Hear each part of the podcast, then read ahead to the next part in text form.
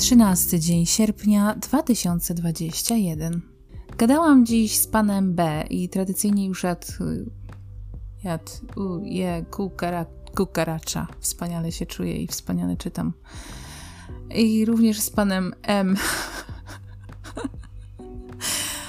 A jak już niemalże codziennie od kilku tygodni.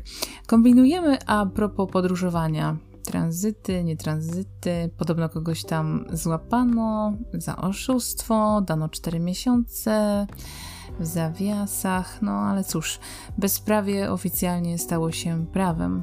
Choć przecież było tak od tysiącleci, tylko że ja stosunkowo dowiedziałam się o tym niedawno.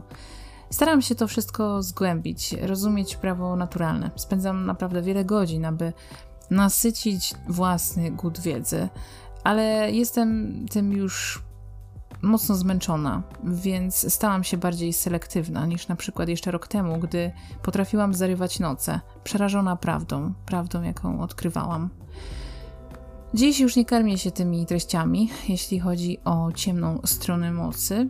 Naprawdę wiem wystarczająco. Teraz należy to umieć wykorzystywać w życiu, bo teoria, choć niełatwa, tak y, mimo wszystko dużo łatwiejsze niż wykorzystywanie tej wiedzy w praktycznym, codziennym życiu.